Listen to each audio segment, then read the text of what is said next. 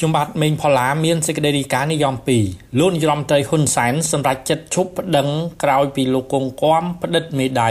ព្រមព្រៀងប្រគល់ដីនឹងផ្ទះជូនរដ្ឋវិញនិងសេចក្តីរាយការណ៍មួយទៀតនិយម2ក្រសួងសុខាភិបាលកម្ពុជាប្រកាសឲ្យប្រមូលនិងហាមឃាត់មិនឲ្យប្រើប្រាស់ថ្នាំទឹកស៊ីរ៉ូ Ambrono Syrup ដែលមានផ្ទុកសារធាតុគីមី ជាដំបូងខ្ញុំបាទមានសេចក្តីរាយការណ៍និយម2 លោកនាយរដ្ឋមន្ត្រីហ៊ុនសែនសម្រាប់ចិត្តឈប់ប្តឹងក្រោយពីលោកកុងគំផ្តិតមេដៃព្រមប្រគល់ដីនឹងផ្ទះជូនរដ្ឋវិញលោកនាយរដ្ឋមន្ត្រីហ៊ុនសែនបានសម្រេចចិត្តឈប់ប្តឹងទៅលើលោកកុងគំដែលសពថ្ងៃជាឧត្តមទីប្រឹក្សាគណៈបកភ្លើងទៀនក្រោយពីលោកកុងគំបានផ្តិតមេដៃយល់ព្រមប្រគល់ដីនឹងផ្ទះដែលលោករស់នៅ តាំងពីឆ្នាំ1982ជូនរដ្ឋវិញ ដីនឹងផ្ទះនោះត្រូវបានលោកនាយរដ្ឋមន្ត្រីហ៊ុនសែនប្រកាសថាជាកម្មសិទ្ធិរបស់ក្រសួងការបរទេសលោកគង់គំបានចូលទៅរស់នៅលើដីនឹងផ្ទះដែលស្ថិតនៅទល់មុខតំបន់ប៊ូឌីងជាប់ស្ថានទូតរុស្ស៊ីក្នុងរាជធានីភ្នំពេញកាលពីឆ្នាំ1982អំឡុងពេលដែលលោកគង់គំជាអនុរដ្ឋមន្ត្រីការបរទេសដែលមានលោកហ៊ុនសែនជារដ្ឋមន្ត្រីនៅចំនួននោះ។ កាលពីយប់ថ្ងៃទី12ខែមករាឆ្នាំ2023លោកហ៊ុនសែនបានសរសេរបង្ហោះនៅលើ Facebook ផ្លូវការរបស់លោកថាទីបំផុតដីនឹងផ្ទះដែលជាសម្បត្តិរដ្ឋត្រូវបានលោកគង់គំនឹងភរិយាផ្តិតមេដៃប្រគល់ជូនរដ្ឋវិញបន្ទាប់ពីអង្គភាពប្រឆាំងអំពើពុករលួយធ្វើការជាមួយលោកគង់គំនិងគ្រួសាររយៈពេល3ម៉ោងកន្លះ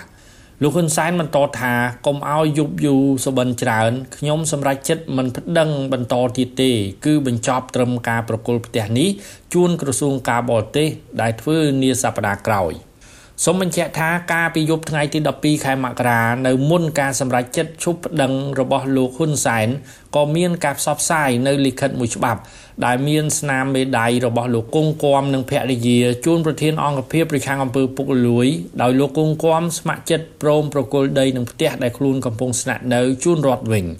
នៅមុនការសម្របសម្រួលឈានទៅបញ្ចប់បញ្ហានេះលោកនាយរដ្ឋមន្ត្រីហ៊ុនសែនកាលពីថ្ងៃទី9ខែមករា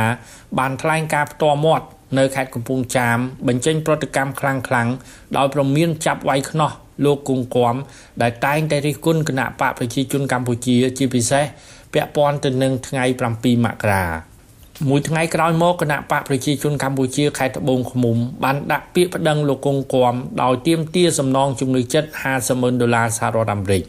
នៅថ្ងៃទី11ខែមករាក្រសួងការបរទេសក៏បានដាក់ពាក្យប្តឹងទៅកាន់តុលាការស្លាដំបងរាជធានីភ្នំពេញប្តឹងទាមទារដីនឹងផ្ទះដែលលោកកងគំកំពុងរស់នៅ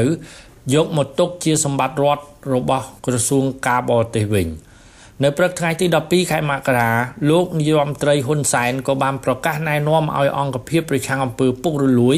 បើកការស្រាវជ្រាវលើលោកគង់គំពាក់ព័ន្ធទៅនឹងការធ្វើប្លង់ដីនឹងផ្ទះដែលមានទំហំជាង5000ម៉ែត្រក្រឡាធ្វើជាកម្មសិទ្ធិផ្ទាល់ខ្លួននោះ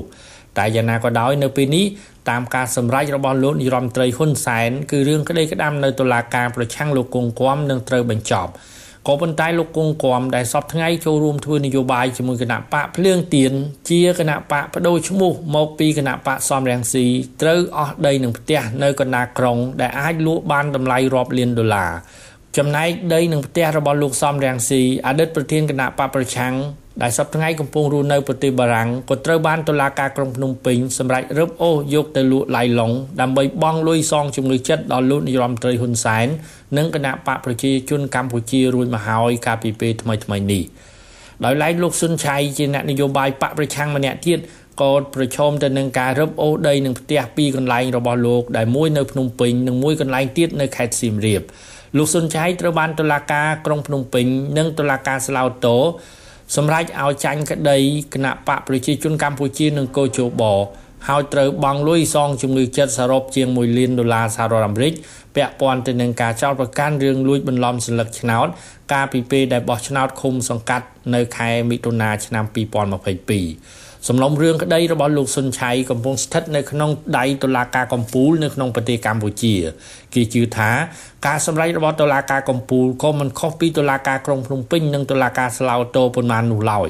ពលគឺលោកសុនឆៃនឹងនៅតែបន្តចាញ់ក្តីដដែល។